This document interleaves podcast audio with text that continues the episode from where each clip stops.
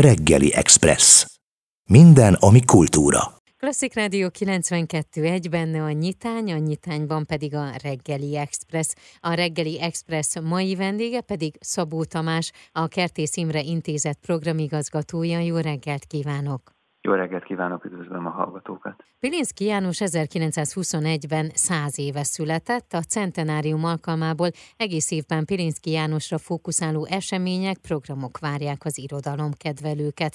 A Kertész Imre Intézet is kapcsolódott ehhez a centenáriumhoz. Alapvetően mi azt szerettük volna megmutatni, hogy Pilinszki János egy nagyon sokrétű személyiség volt, tehát amellett, hogy ő, őt elsősorban a költészete miatt ismerjük, őt érdekelte a zene, a képzőművészet, a fotóművészet, sőt még fotózott is, ő maga is, filmtervei is voltak, tehát egy nagyon szertágazó és izgalmas személyiség volt, és arra szerettünk volna koncentrálni, hogy ezt mi meg tudjuk mutatni minél több fronton. Emiatt is indult egy olyan beszélgetés sorozat, ami, ami az ő ilyen jellegű szellemi örökségéről szól. Legutóbbi vendégünk Földes László Hóbó volt, akire ugye óriási hatással volt Pénzki. De emellett lesznek még rendhagyó irodalomórák, van egy kültéri kiállításunk a, itt a Bence utcában a Kertész Imre Intézet épülete előtt, aminek egy, egy mutálódott verziója most a Várkert bazárban is látható, illetve zenei versmegzenésítési pályázat is most zárult le, aminek az eredményhirdetése is hamarosan be fog következni, szóval számtalan módon és, és legalább annyi oldalról próbáltuk megközelíteni Pilinszki János szellemi örökségét, amilyen színes személyiségű volt. Októberig láthatóak azok az installációk, amelyeket ugye a Kertész Imre Intézet által szervezett Pilinszki 100 programsorozat részeként a költő máig ható életművét és mindannyiunkat érintő témáit elevenítik fel. Ezek két oldalas tablók igazából, hét darabban belül. Nem egy hagyományos értelemben vett irodalomtörténeti pályaképet kíván bemutatni, hanem a a költőnek saját szövegeit láthatjuk itt, mint prózai, mint pedig lírai szövegeit fotókkal vegyítve, és igazából főbb tematikákra bontható ez a tárlat. Nagyjából, bár nem szeretném ennyire konkretizálni, de hogyha, hogyha muszáj lenne, akkor úgy fogalmaznék, hogy Isten szeretet, hit részvét,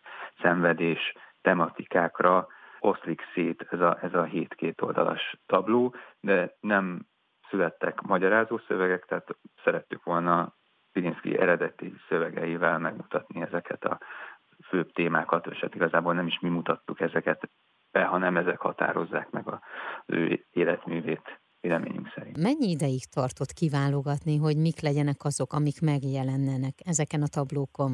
Alapvetően szerintem a szűrés folyamata volt hosszú, tehát nyilvánvalóan számtalan olyan szöveg van, ami hatásos és releváns mai életre és mai világunkra talán, és azt volt nehéz elérni, hogy, hogy olyan szövegmennyiség álljon össze, ami még befogadható, nem nyomasztó, és mégis a leginkább megmutatja azokat a, azokat a gondolatokat, amit Pilinszki János képviselt vagy közvetített a világba. Tehát alapvetően nem az volt a fő probléma, hogy találjunk szövegeket, hanem hogy mik, miket dobjunk el. De szerintem végül ez jól sikerült, és ez a, ez a szűrési folyamat jól bemutatja azt, hogy Pilinszki János életművei szellemi öröksége mit jelent kiállítás anyaga az elérhető múzeumok, illetve iskolák részére is, és rólá, valamint ugye letölthető formában is. A Várkertbazáros kiállítás mellett, illetve a Kerti Imre Intézet kültéri kiállítása mellett ez a kiállítási anyag elérhető letölthető formátumban és rólap formátumban is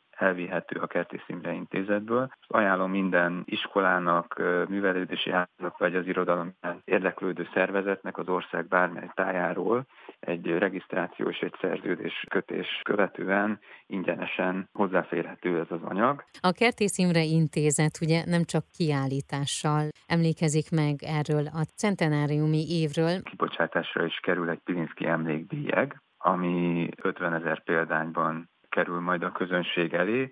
Ez egy 40x30 mm-es perforációs méretű postabélyeg. Takács Tamás Péter grafikus művész tervei alapján készült. Alapját egyébként egy Szebeni András fotó nyújtotta. Erre is nagyon büszkék vagyunk. Ez egy klasszikusabb és talán kevésbé 21. századi formátum megemlékezés terén, de szerintem annyira impozáns és különleges lett ez az emlékbélyek, hogy mindenképpen ajánlom beszerzésre, még azok számára is, akik, akik nem feltétlenül bélyeggyűjtők, vagy a bélyegek iránt érdeklődő emberek, egy nagyon gyönyörű és klasszikus értelemben ö, impozáns darab született. A tablók közül van-e olyan, amelyik az ön kedvence?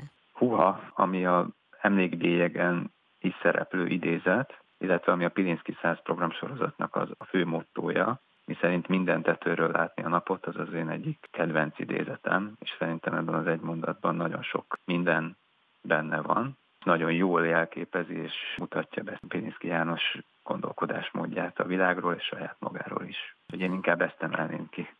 Az elmúlt percekben a Várkert Bazár Bilinszki kiállítás kapcsán a Kertész Imre Intézet programigazgatójával Szabó Tamással beszélgettem.